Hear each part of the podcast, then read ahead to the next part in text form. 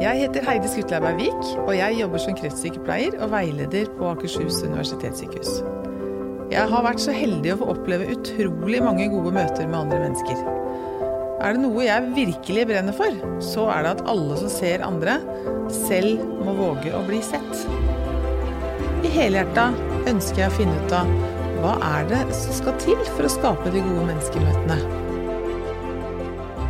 Barn vet best selv hvordan de har det inni seg. Å være mamma eller pappa til et barn som strever, kan være vanskelig. Betty van Roy er barne- og ungdomspsykiater, og hun er opptatt av at vi må høre barnas stemme. Jeg har en niese. Hun er ni år. Og hun har strevd lenge. Disse to, tre, fire siste årene har hun strevd mye med at hun har hatt vanskeligheter med å sortere hvor hun skal gjøre av følelsene sine. Og det har endt med ganske voldsomme reaksjoner noen ganger. Sånn at uh, hun blir ofte misforstått. Har blitt ofte misforstått hvordan hun egentlig har det. Og så har det gjort sitt til at hun blir litt mobba, og så mobber hun tilbake. Og så har hun etter hvert kommet inn i en spiral som har vært veldig vond for henne. Vond for barna rundt henne, og ikke minst vondt for familien hennes.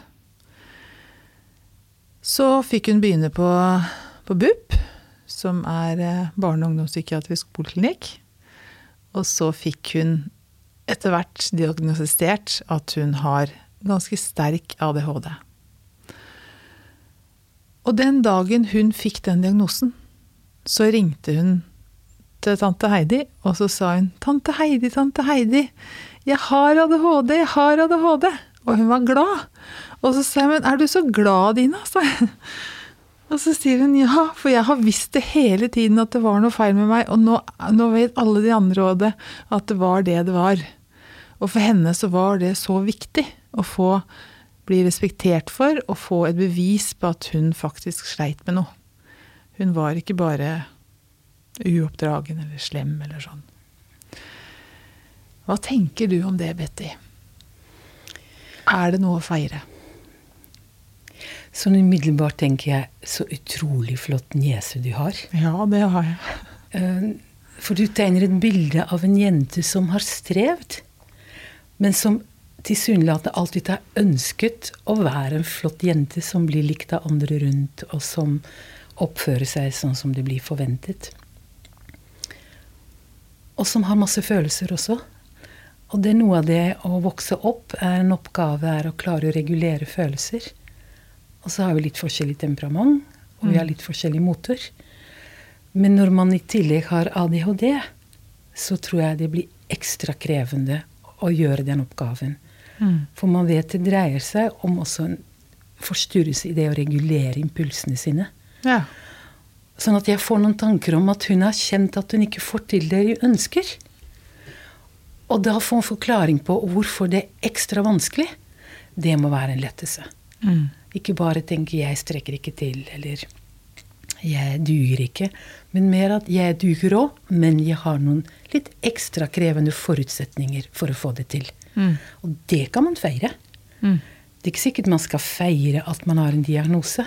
Mm. Man kan feire fordi det bekrefter at jeg er en verdi, mm. og jeg har noen oppgaver som jeg jobber med, og som andre nå kan skjønne er litt ekstra krevende for meg. Mm. Det syns jeg er flott. Ja, Så bra. Betty van Roy, mm. velkommen hit til Helhjertet. Takk. Veldig hyggelig at du kunne komme hit til oss. Du er, eh, du er, et spennende menneske. Rett og slett. Jeg er så heldig at jeg får kjent deg. Jeg kjenner deg litt fra andre sammenheng, med mm. kommunikasjonsjobbing og sånn. Um, og det har vært uh, morsomt å bli kjent med deg. Du er, uh, du er barne- og ungdomspsykiater, yeah. og du jobber på barne- og ungdomsklinikken her Nå på jobber jeg på barne- og ungdomsklinikken i en egen liten avdeling med fokus på barn og unges psykiske helse. Som et supplement til alle de utredninger man gjør vedrørende kroppslig sykdom. Ja, mm. Så du har en egen stilling, eller det er en egen avdeling på, på den somatiske delen av sykehuset ja. som er i forhold til ja. psykiatri. Ja. Det har dere skjønt med dere som jobber med barn og ungdom? At det kanskje kobles? Ja, det er viktig at man ikke bare snakker om at kropp og sjel henger sammen, men mm. også gjør noen forsøk om å få helsetjeneste mm. til å organisere seg sånn at man kan tenke rundt det på en integrert måte. Mm. Og det er jeg veldig glad for at barne- og ungdomsklinikken har skjønt og satser på. Mm. Hva er, det du, hva er det du jobber mest med? Ikke sant? Vårt mandat er egentlig å kunne bistå i en sånn svær bredde av skal vi si, problemstillinger. Eh, Det kan være både foreldrene til alvorlig eh, syke nyfødte, prematurfødte barn, mm. hvor tilknytningsprosessen kan bli ganske krevende, hvor foreldrene opplever kriser. Verken svangerskap eller å bli foreldrene ble som man hadde ønsket. Så det er litt det ene ytterpunktet. Er det da at barnet er for sykt til å tas ut av kuvøse, eller er det at eh, foreldrene støter barnet litt bort fordi de ikke de får en reaksjon? Ikke nødvendigvis at eh, de ikke ønsker eller har gode forutsetninger for å være foreldre, men man tenker det er ikke uten grunn at man går gravid i ni måneder. Nei. Det er om å forberede seg til å bli foreldre til det barnet du har i magen. Du gjør deg noen forestillinger om hvordan man ønsker å bli en ny familie. Sant? Det blir mer og mer virkelig. Og så får du ikke ha den forberedelsestiden. Så det kommer litt for brått på. Og i tillegg får du et lite barn som du ikke bare tar med deg fra barsel hjem. Nei. Dette er et knøttlite barn som ligger kanskje med slanger og masse teknisk utstyr rundt seg på en avdeling på et sykehus. Så det er mange faktorer som gjør at den starten, som i seg selv er krevende for alle nybakte foreldrene, blir veldig spesiell. Og det kan skape mange reaksjoner. Så det er ikke nødvendigvis at foreldrene ikke er klar for den tilknytningen, men det er mer at settingen rundt gjør det mye mer utfordrende. Og også der har man blitt mer bevisst. Man har nok kenguruomsorgen. Dvs. Si at barn i størst mulig grad og så mye som mulig skal være på foreldrenes bryst og ha den kroppskontakten. Ja. Eh, Vi er opptatt av å ha mye mer familiebasert virksomhet for å hjelpe foreldrene til å være mest mulig primærperson for barn, ikke sykepleier og lege. Men, men det er utfordringer. Og så kommer angsten for å miste, som også kan forstyrre det å tørre å knytte det til. Tørre å kjenne at man er glad i, eller vil bli glad i. Så, så det er krevende. Så det er et sånt område vi jobber med. Som dere har samtale med foreldrene. Ja. Er det fast at alle får det, eller er det Nei, vi gjør det når foreldrene selv melder et behov for det, eller når de rundt tenker at her opplever foreldre kriser, og gir dem et tilbud. Men, men all vårt eh, virke baserer seg på frivillighet og samtykke. Så vi oppsøker aldri aktivt. Nei. Eh, Det er andre som henviser på samtykke. Så det var den gruppen. Det er den lille gruppen. Og så jobber vi veldig mye med barn og unge som har en kronisk sykdom. Det kan være at man har fått diabetes eller en betennelsestilstand i tarmen. Eh, Man kan ha krevende astma eller epilepsi. Eh, Og ikke minst i ungdomsperiode er det ganske utfordrende. Ja. Å takle å ha en kronisk sykdom når man egentlig bare skal leve livet og være akkurat som alle andre. Så vi jobber mye med dem, enten individuelt eller mye i familie. Mm. Rundt litt sånn identitets- eller selvfølelseproblematikk. Eh, Det kan skape konflikter i familie når barn ikke orker å forholde seg til sykdommen. Ikke vil sette insulin. Foreldrene er på som hauker, for man skal gjøre det helt riktig. Så det kan være konflikter. Eller det kan også være at disse ungdommene har problematikk rundt angst og depresjon, som enten er en, skal vi si, et resultat av at livet blir snudd opp ned, eller at de har den sårbarheten fra før som gjør at det er ekstra utfordrende å takle en sykdom også. En ja, Så- fysisk sykdom. Ja, Mm. Den fysiske sykdommen. Ja. Kommer de, de kommer aldri inn til dere eh, kun for angst, liksom? At de blir lagt inn for det? Nei. Nei. Fordi eh, veien inn til oss går alltid via kroppslige plager eller kroppslig sykdom. Ja. Uh, hvis man har først og fremst en psykisk utfordring, så går man til poliklinikkene som ligger utenfor sykehuset. Så vi er et supplement dit. Mm. Mm. Men det er gruppe jobber mye med. Mm. Jobber dere da Jobber dere ganske mye i forhold til foreldre, da, eller? Begge deler. Ja. Eh, vi jobber mye med ungdommene. Vi jobber også med foreldrene. Enten hver for seg eller gjennom familiesamtaler. Ja. Um, så det er litt tilpasset hva både ungdommen ønsker, hva foreldrene ønsker, men også det vi ønsker å foreslå ut fra den kartleggingen vi gjør om hvor kanskje utfordringen er størst. Da. Mm. Ja. Er det mye fortvilte foreldre? Jeg så du hadde skrevet en, en Du har skrevet en artikkel eh, om dette med foreldre. Maktesløs kan ska, maktesløshet kan skape kravstore pårørende.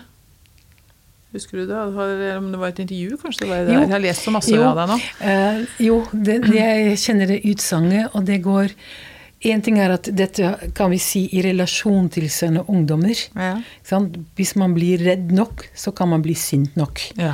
Hvis man blir redd nok, så blir man kontrollerende. Mm, sånn er vi jo. Uh, ikke sant? Og samtidig er det iallfall i ungdomstid ungdommen som selv må begynne å eie sine utfordringer, som må ta ansvar for å håndtere sin sykdom.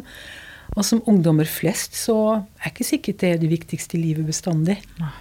Sånn at det er, det er en krevende setting. Mm. Men jeg tror når jeg brukte det utsagnet, så er det også i forhold til eh, hjelpeapparatet. Ja.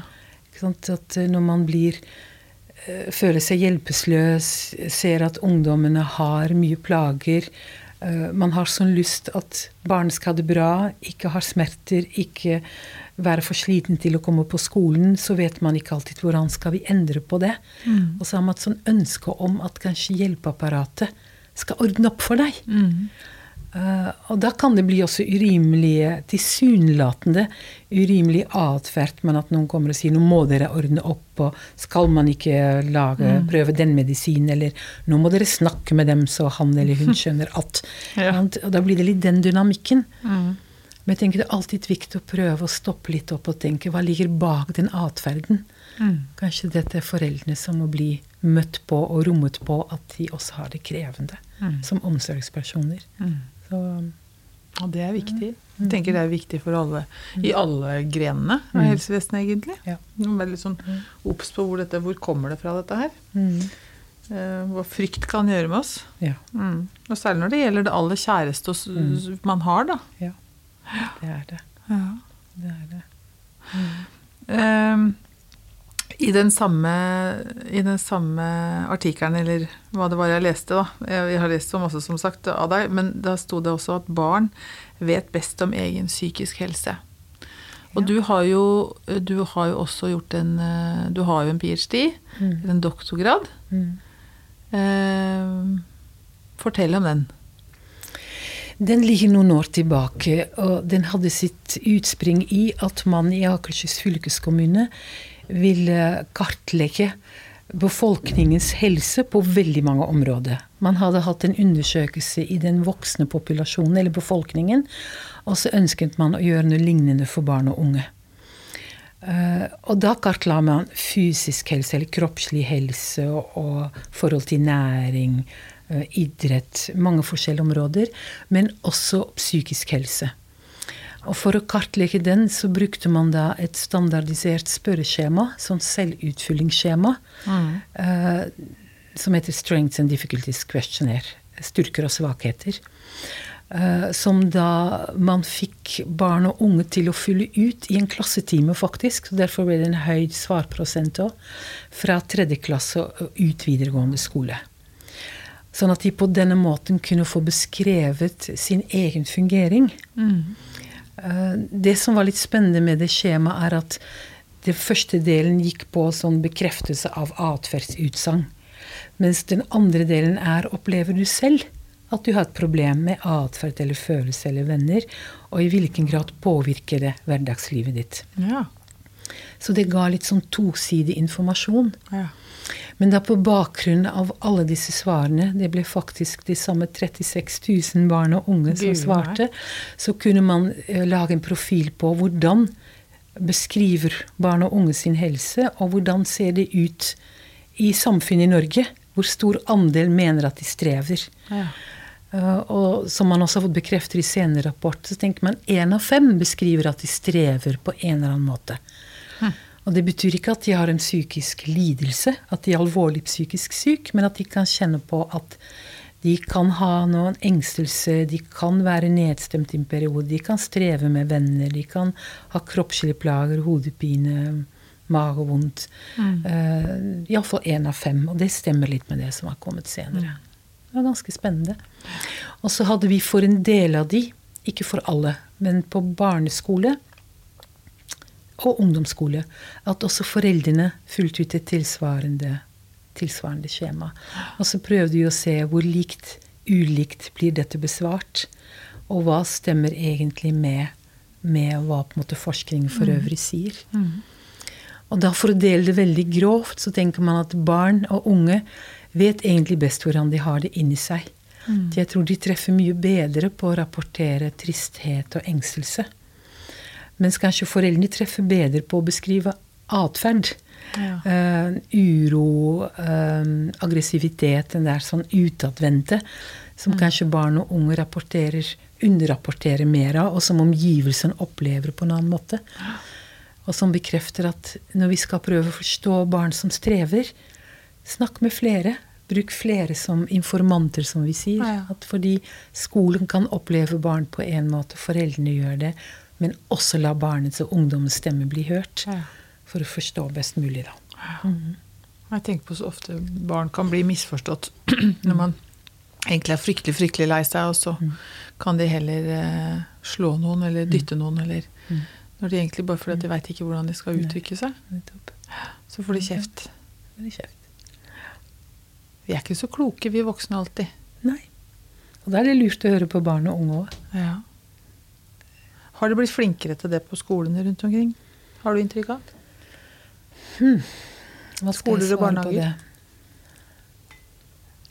Jeg tror det er blitt en økt bevissthet på at uh, det er nyttig og lurt å la barnets stemme bli hørt. Eh, men som på så mange andre områder så er det individuelt.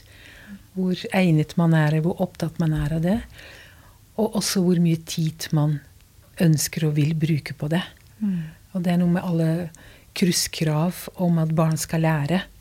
Da tenker jeg på alle nasjonale prøver og alt som skal bevise at du duger som lærer. Da må du ha sikret at barn har nødvendige ferdigheter. Og jeg frykter at det noen gang kan gå på bekostning av å tenke barnets psykososiale Eller hvordan de har det med seg selv, og hva de kan streve med, og gi det oppmerksomhet i tillegg. Så det, er er krevende oppgave å være i skole og i barnehage. Ja. Med veldig viktige roller å ha i barnets liv. Da. Mm.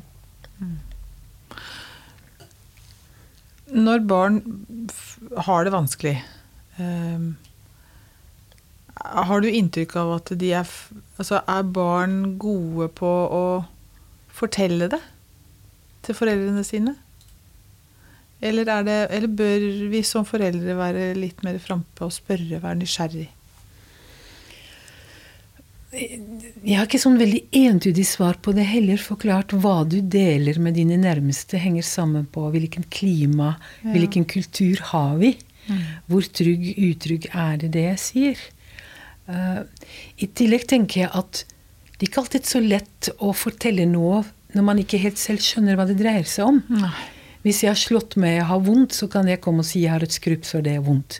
Men hvis det er noe i hverdagen min som er litt strevsomt, som gjør at jeg ikke har det bra med meg selv, så er det ikke alltid like lett å fortelle det. Så jeg tror det kan være klokt at man som voksne etterspør hvordan man har det. Men at man også kan ha respekt for når barn sier 'jeg vet egentlig ikke'. At det ikke alltid betyr at ikke de vil snakke. Kanskje de ikke helt kan forklare hvordan det er. Bare at de ikke har det så bra. Hva skal man gjøre da? Hvis, vi, hvis vi skjønner at barnet vårt Ja. ikke har det bra, hva, gjør, hva skal vi gjøre da? Jeg tenker bare å vise at jeg skjønner at du ikke har det bra, og jeg er opptatt av å se hvordan du kan få det bedre. Men kanskje ikke nødvendigvis bare grave til den helt konkrete, korrekte forklaringen på det. Det kan ikke jeg heller bestandig. Um, Det er én ting jeg har skjønt at vi ikke skal gjøre. mm. Og det er hvis, hvis vi har barn som sliter med angst, eller eh, er veldig lei seg uten å forstå det, eller trist, eller Så må vi aldri si, tror jeg da, skjerp deg. Mm. Er det riktig? ja, der traff du blinken. Ja. Um, Fordi det kan man ha lyst til som foreldre å si, da, at men herregud, nå må du skjerpe deg når du ligger her på fjerde dagen. For i det ligger et signal om at vi tror at det er fullt kontrollerbart.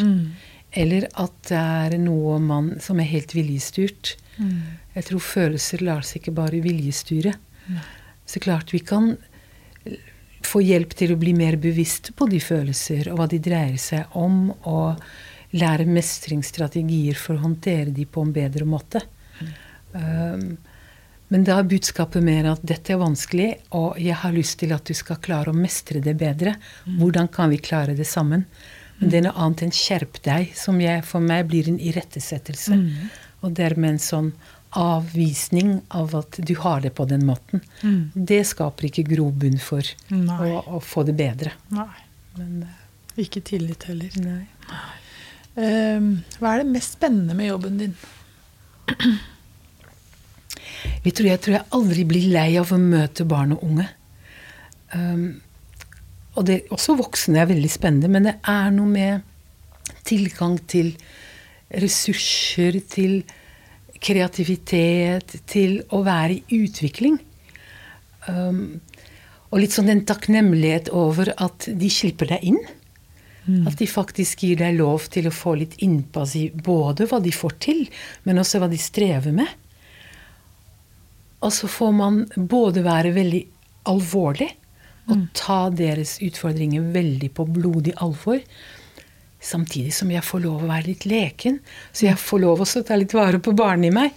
Og det, det gir meg energi, det også. Mm. Så det er um... Og så har denne jobben over så mange år virkelig lært meg at jeg var litt naiv når jeg startet. Mm.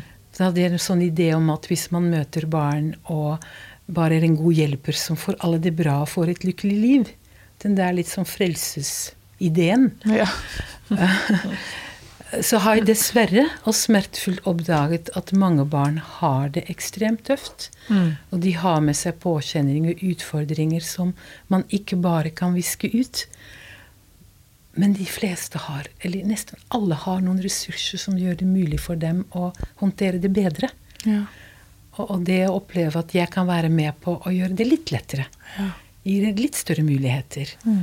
det er veldig takknemlig. Når du sier at det er veldig mange barn i dag som strever, er, har det blitt en mye større eh, andel eh, prosentmessig av befolkningen som strever, eller av barn som strever nå, enn, en det var før? Er det pga. levesettet til oss foreldre, liksom? Det man tenker klart, Nå er jeg litt farget av at jeg jobber mange med disse barna og unge, men man ser en klart økning av stressrelaterte stress, stressrelaterte mm. lidelser eller plager. Uh, som går også mye på det kroppslige. Mm. Kronisk hodepine, magesmerter, fatigue, utmattelse. Uh, som til og, til og, med kan ha så sterke utslag at man får nesten uforståelige kroppslige plager. Hvor kroppen faktisk sier fra at nå er det for mye. Mm. Som i ytterste konsekvens gjør at det oppstår lammelser eller blindhet, eller at kroppen reagerer med kramper fordi det er så mm. sterk Eh, stressaktivert system at kroppen på en eller annen måte må reagere på det.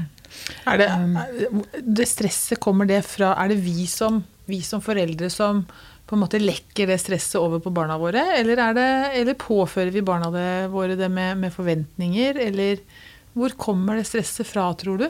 Sånn generelt? Jeg tror det er ganske sammensatt. Ja. Uh, I sånn, mitt, min jobb og mitt Vi tenker at vi må tenke etter flere akser, tenke, eller flere linjer. Vi har både med oss det kroppslige, uh, vi har både med oss det sosiale, hvilken kontekst lever vi i. Og så har vi utdannet med forskjellig styrke også psykologisk. Vi har forskjellig temperament, vi har forskjellig sårbarhet. Vi har kanskje med oss også en biologisk kroppslig sårbarhet. Arven vi har med oss. Så jeg tror det er en kombinasjon av alle de tingene som til slutt gjør at vi reagerer på den ene eller den andre måte. Mm. Men det vi iallfall vet, er at samfunnet har endret seg. Det er et høyt tempo. Teknologien som gjør at vi er på. Jeg tenker noen ganger at kroppen er ikke hengt helt med i samfunnets utvikling til å bearbeide alle impulser, alt, alle mulighetene. Eh, så kommer kravene. Ideen om at man må være best for å lykkes. Eh, som noen sa en gang til meg, den der utsagnet om at du kan bli hva du vil, bare du anstrenger deg nok. Mm. Det er egentlig ganske løfterik, men risiko ved det ligger i at hvis jeg ikke blir det jeg har lyst til, da mm. har jeg mislykkes. Mm. Eller da har jeg ikke gjort nok. Så den der higen etter å måtte prestere, måtte bevise, gripe alle mulighetene i et kjempehøyt tempo, hvor du blir målt hele tiden, gjør at det nødvendige eh, behov for å koble av gi oss mentalt, også fysisk mulighet til å hente oss inn, Mm. det tror jeg er mye mindre. Og så, kan, så ryker strikken for flere, tror jeg, etter hvert. da. Det er betenkelig.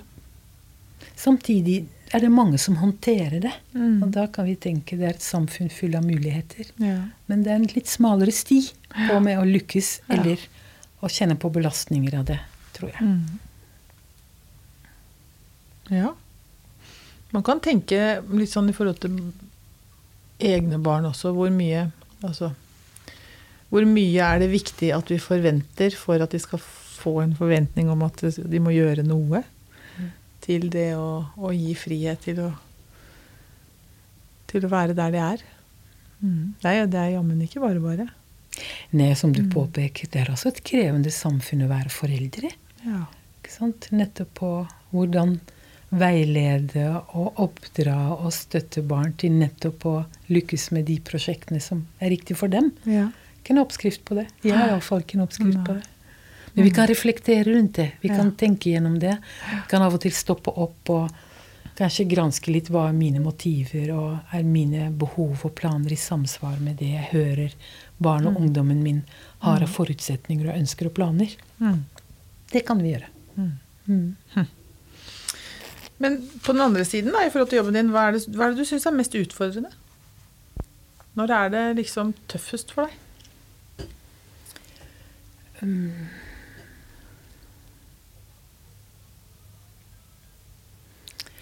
Jeg tror det er eh, tøffest det, det, er flere, det er flere tanker i hodet mitt.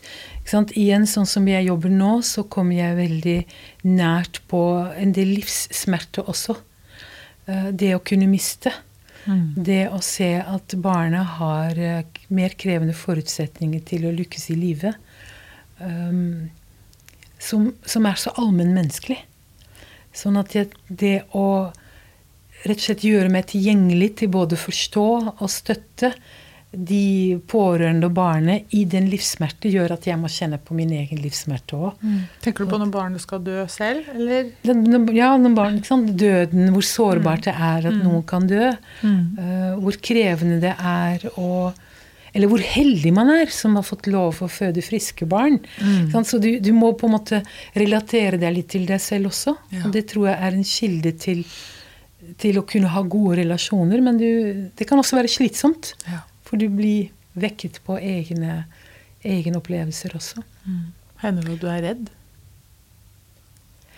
Ytterst sjelden. Ja. Hva er det som gjør det, tror du? Hva skulle jeg være redd for? Eh, tenker jeg. Noen er eh, redd for at det skal skje like, altså Identifiserer seg kanskje. Andre At det skal skje noe med sine egne. Eller at, eh, Ja, på, på den eller at du kan ja. være redd for å gjøre noe feil. Hender det det? Ja, det er ikke nødvendigvis å gjøre feil, men kanskje ikke tilstrekkelig. Eller at eh, Jo, feil i den forstand at, at kanskje jeg tilbyr hjelp som ikke er nyttig for den jeg møter. Eller at jeg tilbyr hjelp ut fra en forståelse som jeg ikke har sjekket ut nok. Sånn at uh, det egentlig bortkastet tid for den som kommer til meg. Um, man kan selvfølgelig være engstelig på at, at det man sier eller gjør, kanskje treffer feil. Kan oppfattes støtende eller Men jeg håper, og, håper at jeg kan opptre så respektfull og såpass nysgjerrig på hvordan det vi snakker om eller det vi jobber med sammen, blir oppfattet. At jeg iallfall sjekker det ut, sånn at det er mulig å hente seg inn. Eller også beklager hvis man bommer. Mm. For det skjer. Mm. At, uh, men da er det mer sånn rett ut fra gjør jeg en god nok jobb? Uh, ikke rett i den forstand en sånn frykt for at nå kan det skje noe alvorlig med meg, eller eh, Nei, jeg tror ikke det. Jeg tror jeg har en sånn innboende tro på mennesker rundt meg.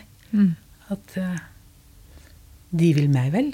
Og jeg håper at de skjønner jeg vil dem vel. Og Ja, det har vi et godt utgangspunkt. Og det betyr ikke at vi lykkes i møtene våre. Ja. Uh, det, jeg har garantert møtt barn og unge foreldrene på disse årene som sikkert har gått ut av kontoret mitt og tenkt dette var ikke noe særlig verdt. Eller hun snakket rart, eller det hun sa der, det kan ikke stemme. Det har garantert skjedd. Men, men ikke sånn gjennomgående. Nei. Det tror jeg ikke. Hvem vet? Det tviler jeg sterkt på, for å si det sånn. Du, jeg, jeg tenker på når du jobber med barn og unge, eh, og barn og unges syke. Mm. vi vet jo at, eh, at det blir stadig større Eller jeg vet ikke jeg, Det har vært en trend på at det blir stadig større tall på de som prøver å ta sitt eget liv. Hvordan er det nå? Eh, Hvor, nå- kommer du borti de, på en måte? Ja. eh, Men en av de oppgavene eh, jeg og min avdeling også har på barne- og ungdomsklinikken, er at å gjøre en vurdering i forhold til selvmordsfare når ungdommene blir innlagt med overdose. Dessverre er det mange som når livet blir for tøft, som tar for mange Paracet eller drikker seg fra sans og samling for å så da møter vi disse ungdommene i den kritiske situasjonen også. Mm. Prøver å forstå om dette var et reelt ønske om å dø, eller om det var en desperat forsøk på å formidle til omverdenen 'jeg har det ikke bra, nå må noen stille opp for meg'. Um, og det er sånne intense møter, men som Mm. samtidig er veldig verdifulle også. Mm. Er de ærlige, opplever du at de er ærlige på, på hvorfor? Ikke alle har et like sterkt ønske om å fortelle hvorfor. Um, eller som kanskje syns det er litt skamfullt også. Um, jeg tror de som kanskje er minst ærlige, er de som virkelig har et ønske om å dø. Og som ikke ønsker å bli avslørt på at det er det de virkelig vil. Mens de som har gjort en desperat handling i en desperat situasjon i håp om å bli bedre forstått, de tenker jeg er mer villig til å dele hvorfor dette skjedde. Men det er alltid vanskelig å være helt sikker på at man har vurdert risikoen riktig. Mm. Det viser også forskning. Det er veldig vanskelig å forutse. Men, men eh,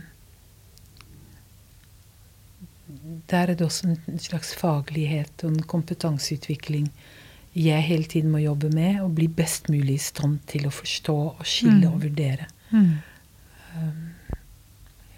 Hvordan er det å møte foreldrene i sånne tilfeller? Igjen som jeg sa, de, i disse kritiske situasjonene som blir livets sårbarhet Mm. og livets smerte så tydelig. Og foreldre kan reagere på forskjellig måte. Noen reagerer mest med sinne, for de er i sjokk. Andre med dyp fortvilelse. Noen med en opplevelse av udugelighet. Eh, Noen har levd med sine ungdommer som har strevd over tid, og som kanskje flere ganger har gjort en selvskadende handling. For andre kommer det helt som lyn fra klar himmel. Men det er også foreldre i krise. Så det er viktig at vi også ser dem og møter dem og, og støtter dem. Eh, Nå har vi korte møter, for det er bare i forbindelse med innleggelse på sykehuset. Så da er det viktig for oss å sikre videre hjelp Ja. utenfor sykehus. Og da er det på det vi kaller BUP. Det kan være BUP ute. Noen ganger kan man starte med å forankre den hjelpen i kommune. Ja. Hos en eh, helsesøster eller en fastlege. Mm. eh, hvor man tenker at det, det er der vi kan starte, der hjelpen kan være tilstrekkelig. Men ellers er det poliklinikkene ute. Og enkelte ganger når vi virkelig tenker her det er grunnlag for at denne ungdommen blir ivaretatt innenfor en institusjon, så kan vi legge inn ungdommen på ungdomspsykiatrisk klinikk, da, som Ja. har de mulighetene. Mm. Hvis dere oppdager selvskading hos et barn som er lagt inn, um, og det barnet er 16 år, da har ikke dere lov å fortelle det til foreldrene, er det sånn? Hvis ikke barnet går med på det? Nei. Sant? Vi, vi må forholde oss til det lovverket som gjelder, og det er regulert også i henhold til taushetsplikt. At når, eh, når ungdommen er 16 eller eldre, så har de på en måte bestemmelsesrett over hvem som blir informert. Og det er også viktig at vi kan fortelle ungdommene, eh, i håp om at det gjør det lettere for dem å være ærlig. Men det er alltid også viktig å si noe om at hvis det kommer fram informasjon som gjør meg oppriktig bekymret for deg, og da er det ikke bare sånn fordi du risper deg, men fordi dette tuder på alvorlig grad av suicidalitet, da er jeg plikt til å informere de rundt deg. For man skal også gjøre foreldre i stand til å ivareta sine omsorgsoppgaver. Ja. Um, Mm. ja. Mm. Sånn, for eksempel kan det være at, at eh, en ungdom blir lagt inn, kommer rett fra en fest. Og så kan de være så redde og si at 'får ikke si det til foreldrene mine'. Ja, ja. Mm. Det er en sånn situasjon vi sier dette er så alvorlig. Mm. Det er så viktig at foreldrene dine kan vite om det, så de kan være med og passe på deg. At da ringer vi. Ja. Men da kan man bruke seg litt tid til å si ok, hva gjør at du er engstelig for å si det? På hvilken måte kan vi si det? Mm. Men ikke lenger om vi skal si det. Nei. Ja. men da er det en så alvorlig Mm. grad Mm, Fordi det kan hende at dere rett og slett må holde igjen noe informasjon fordi at foreldrene eventuelt har en veldig streng religiøs Ja, ja. Det side eller et eller Ja. annet. Mm. Ja. Eller at man ikke alltid deler hvorfor det har skjedd. Ja. Ikke sant? Ja. Men, Mm. men at det har skjedd, Ja. er det ytterst sjelden vi ikke skal informere om. ja. Mm. N- Når det blir sterke inntrykk, eh, hva, hva, hva gjør du da for å få påfyll, eller for å bearbeide Eller hva gjør du for å bearbeide, først og fremst? Jeg tror noe av det viktigste er å ha gode kollegaer. eh, som nettopp sammen med deg kan eh, på en måte, ja, bearbeide. Eh, hvor det er lov å selv få litt hjelp til å regulere de følelsesmessige reaksjoner du har. Eller som kan dele den bekymringen du sitter med. Eh, eller som rett og slett kan gi deg råd også.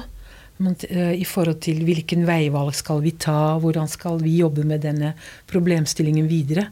Um, eller som rett og slett kan tilby deg en kopp kaffe hvor man sitter noen minutter i stillhet og bare lader litt batteriene. Mm. Har dere, tar dere dere tid til, til debrief når det er ekstra tøffe ting? Nå har jeg veldig lyst til å si ja, og så vet jeg, hvis jeg skal være ærlig, at vi ikke tar oss dit nok. Nei. Um, at vi i enda større grad burde legge det inn som en rutine. Klart, hvis det er, hvis det er virkelig uttalt krevende situasjoner, så tar man det, den tiden. Men i det daglige virket så er vi ikke flinke nok. Det er vi ikke.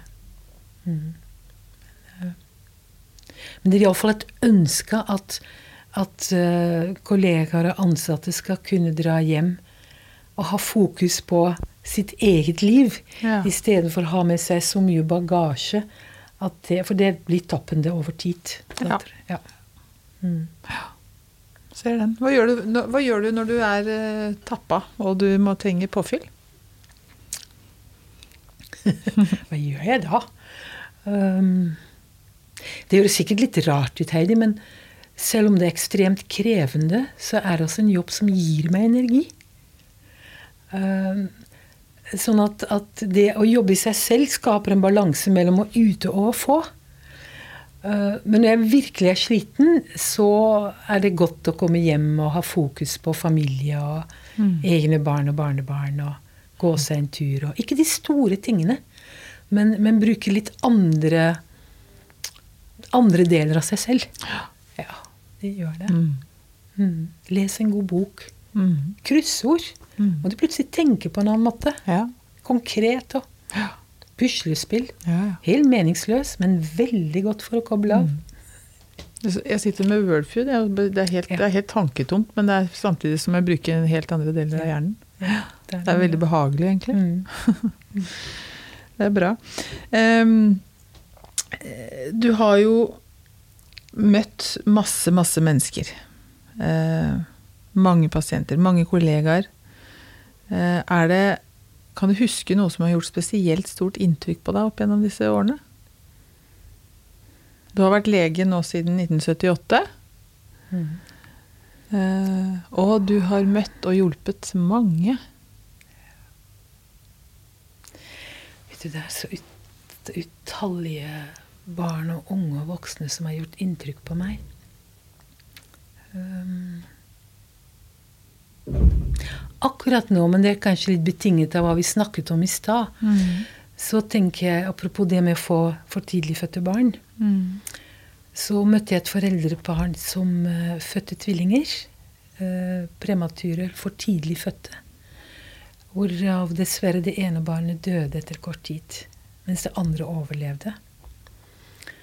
Og det kjente jeg var en ekstremt givende, men også ekstremt krevende reise å gå sammen med disse foreldrene. Mm. For de skulle på en og samme tid sørge over et barn, samtidig som de skulle glede seg over alt det som skjedde med barnet som overlevde. Alle disse milepælene, alt de hadde planlagt. Mm. Eh, dra hjem hvor det sto to senger, og vite at det ene skulle ut av det. Ja. Og, og var, hvis jeg tenker de siste fem-seks årene, så er det et veldig sterkt møte som jeg har med meg. Uh, hvordan det er trolig hva mennesker kan håndtere og er mm. nødt til å håndtere. Hva slags verktøy ga du de, tror du?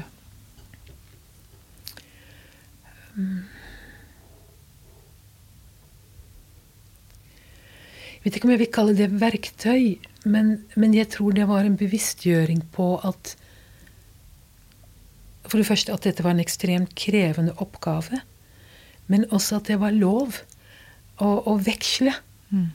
At det var lov å glemme det barnet det døde, fordi man skulle glede seg over det barnet som var i live. Mm. Og det var faktisk lov ikke alltid være full av glede i møte med det barnet som overlevde, fordi sorgen tar så mye plass. Mm. Den der å ha en slags raushet overfor seg selv. Mm. Og, og akseptere eller at dette var en nesten umulig oppgave. Um, å tåle forskjelligheten. For klart, mm. foreldrene er ikke like. Nei, jeg skal ikke til å si det. det man er, man er forskjellige steder, mm. og mens den ene er mest i sorgen, er den andre i glede. Så det var sånn mm. komplekst. Så jeg tror verktøyet var mer å kunne sette ord på det. Mm. Få en slags romslighet i forhold til egne og den andres reaksjoner. Og, og tilpasse seg gradvis den nye virkeligheten, mm. tenker jeg. Mm. Um, ja. Jeg har tvillinger selv, så jeg kjente jeg fikk eh, ja, noen tanker nå. Det må være heftig. Ja. Da snakker vi sorg og glede går hånd i hånd. Mm. Mm. Ja. ja. Jobber du tett sammen med de andre yrkesgruppene på avdelingen i sånne case? Ja. Det er egentlig vårt oppdrag i barne- og ungdomsklinikken at vi skal jobbe mest mulig integrert. Eh, så der jobber vi tett sammen med barnelegene og sykepleiere og fysioterapeutene og ernæringsfysiologene. Mm. Og så er vi også tverrfaglig innad i avdelingen. Ja. Sånn at i tillegg til barnepsykiater har vi psykolog og familieterapeut. Og. Ja. Så ja. Jeg tenker det er så logisk at hvis vi skal håndtere komplekse mm. situasjoner, så trenger du en sammensatt kunnskap og erfaring. Ja. Det er ikke noe enmannsjobb. Nei. Men er det sånn at de møter deg inne på, på posten? Og så når de kommer tilbake på poliklinikk, så kan de møte deg igjen, eller møter ja. de noen annen da? Nei. nei. Hvor mange psykiatere er dere i den avdelingen? Vi, nei, vi er ikke så stort. Vi er en avdeling på, med seks ansatte. Ja. Så vi er to barnepsykiatere to psykologer, en psykologspesialist, og så har vi to familieterapeuter. Ja. Men så samarbeider vi da med sosionomer og ernæringsfysiologer og andre som er også en del av det Ahus har å tilby, mm. men de jobber ikke i det, i det teamet som jeg har ansvar for. Da. Mm. Jobber dere tett sammen med barnehabilitering? Ja, barnehabilitering er en av alle avdelinger på barne- og ungdomsklinikken som på lik linje med alle andre som sengeposter og poliklinikk kan henvise barn til oss som vi mm. samarbeider rundt. Um, og der også har man sterke møter mm. med ungdom som har hatt CP, og som skal bli ungdom og kjenne på at Livet mitt er annerledes, kan ha en sorg rundt det. Mm. Um, barn man vet har en muskelsykdom som gjør at kroppen brytes mer og mer ned. Hvordan skal de håndtere det? Ja. Jammen masse krevende ting man skal håndtere her i livet. Ja. Jeg tenker på disse ungdommene som har uh, morbus Crohn og ulcerøs mm. kolitt og sånne tarmsykdommer som gjør at de får utlagt tarm. Mm. Pose på magen. Mm. Eh, og så blir de kjønnsmodne, og så skal de begynne å gå ut i verden og ha sex. Hvordan eh, får de samtaler med deg? Ja, vi gir samtaler til de vi tenker har utfordringer utover det eh, en vanlig kontakt med lege eller sykepleier kan ha. Uh, og så tenker Heidi, man må ikke engang ha utlagt pose for at det er en utfordring. Nei. Bare det å tenke at jeg har en sykdom, Ja. gjør at man blir mye mer usikker på hvor attraktiv man er, om dette er et minus. Uh, Jeg trenger medisiner, jeg må måle blodsukker. Eh, Jeg kan ikke være med på alt. Jeg kan ikke drikke meg like full som de andre, for det tåler meg ikke. sant? Så det er, det er det i seg selv kan være nok til at det skaper store sosiale utfordringer. Og, og gjør disse ungdommene usikre i forhold til å tro at noen kan bli forelsket i dem, eller Og så håndtere det forskjellige. sant? Noen trekker seg helt unna. Andre skal iallfall vise at de er minst like tøffe og kule som alle andre. eh, Og gå litt i den andre retningen. Mm. Så ja. Så, Mm. så det jammen Jeg har fått økende respekt for det å være ungdom med en kronisk sykdom som du skal håndtere samtidig som du skal finne ut av det å være ungdom. Ja. Fy søren. Det er heftig å Mhm. være ungdom. Mm.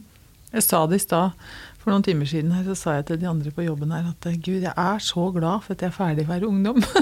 Ja. Men jeg er ikke noe glad over å snart være 50, det er ikke det. Men, Det er, det er det er en helt annen side. Mm. Um, kjenner du av og til på en følelse av lykke når du er på jobb? Ja. Da må vi først selvfølgelig definere hva er lykke. Ja, hva er lykke for deg? Hva er- hva er det er lykke? neste. Ja. uh, det, det vet jeg ikke om jeg har et godt svar på, Heidi, for det tror jeg er ganske sammensatt. Men, men uh, hvis jeg i jobbsammenheng kan definere det som en form for litt sånn glede, letthet, energi, kjenne at nå er det noe jeg mestret. Nå tilhører jeg en sammenheng, både kollegialt og jobbmessig, som er meningsfullt og berikende for meg.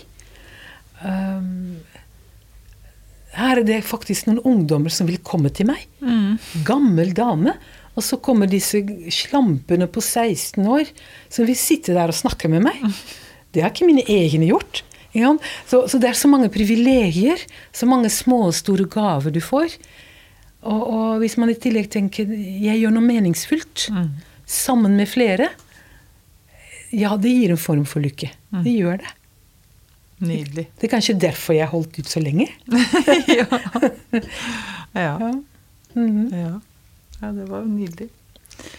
Eh, Betty, hvis du skulle eh, sende deg sjøl et godt råd tilbake til da du var 18 år, hva skulle det rådet vært Jeg var 18, til Betty? ung og naiv. Um, hva skulle jeg Jeg tror eh, Det er litt flere råd, tror jeg. Det ene er at uh, livet har mange muligheter.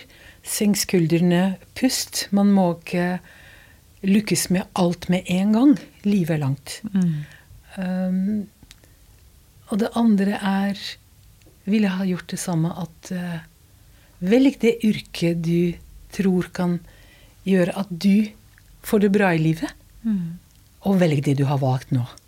Jeg, jeg kjenner på en måte at jeg kunne gi meg selv rådet å velge den samme veien. Du hadde blitt lege en gang til?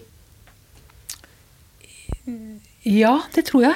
Men ikke minst å jobbe i dette feltet med det psykososiale. ikke sant? Og, eh, det rådet kunne jeg gitt meg. Ja. Men også senk skuldrene litt. Eh, lev livet på flere måter enn livet mitt ga meg anledning til. Eh, jeg kommer også fra en kultur, ikke sant. Eh, Jeg har ikke studert i Norge, da, som man sikkert Hvor- hvor har hørt. Hvor kommer du fra? Belgia. Belgia. Jeg kommer fra en familie og fra en kultur hvor man var veldig målrettet. Mm. Skole, gjøre seg ferdig fra videregående på universitetet, ferdig riktig. Eh, og jeg husker jeg misunnet de norske studentene som kunne ta et år fri for å reise. Og, ja. ja. Uh, men det å både ha en, et mål og en retning, men også ta noen pust i bakken, sånn at livet kan være så rikt og hvitt som mulig, det rådet ville jeg gitt meg selv. Har du blitt flink til det nå som du har blitt voksen? Nei. Å puste? Nei. Jo, jo, men Mm. ja, det er et forbedringspotensial, tror jeg. Ja. Jeg har også det. Eh, veldig forbedringspotensial på det der. Mm. Men vet du hva? Jeg, før, før så tenkte jeg Er det fordi jeg har så behov for å være flink, eh, flink liksom? Det er ikke det. Jeg har en enorm arbeidsglede. Mm. Jeg syns det er så moro å jobbe da. Mm. Det er så mye som er så gøy. Det er det. Eh, Jeg syns at jeg kjenner igjen det litt hos deg. Er det kjenner, Ja, men det er helt riktig. Det er helt riktig at moro. jobb er for meg mer enn bare jobb. Ja. Og, og et grunnlag for å få penger til å gjøre andre ting. Mm. Jobben i seg selv gir meg veldig mye. Men klart, jeg må noen ganger stille meg spørsmål hva gjør du når ikke jobben kan ta like mye plass? Mm. Eh, kan du ikke ta i bruk litt andre sider av deg selv? Og hvordan skal du gjøre det? Men foreløpig gir jeg jobben såpass mye plass at eh, ja, det er et forbedringspotensial. Mm. Det gjør det. Denne podkasten heter Helhjerta. Mm. Eh, og hvis du skal gi et helhjerta råd til lytterne Egentlig om hva som helst, men kanskje Kanskje et helhjerta råd om hvordan vi skal møte våre ungdommer, Mm. barn og unge.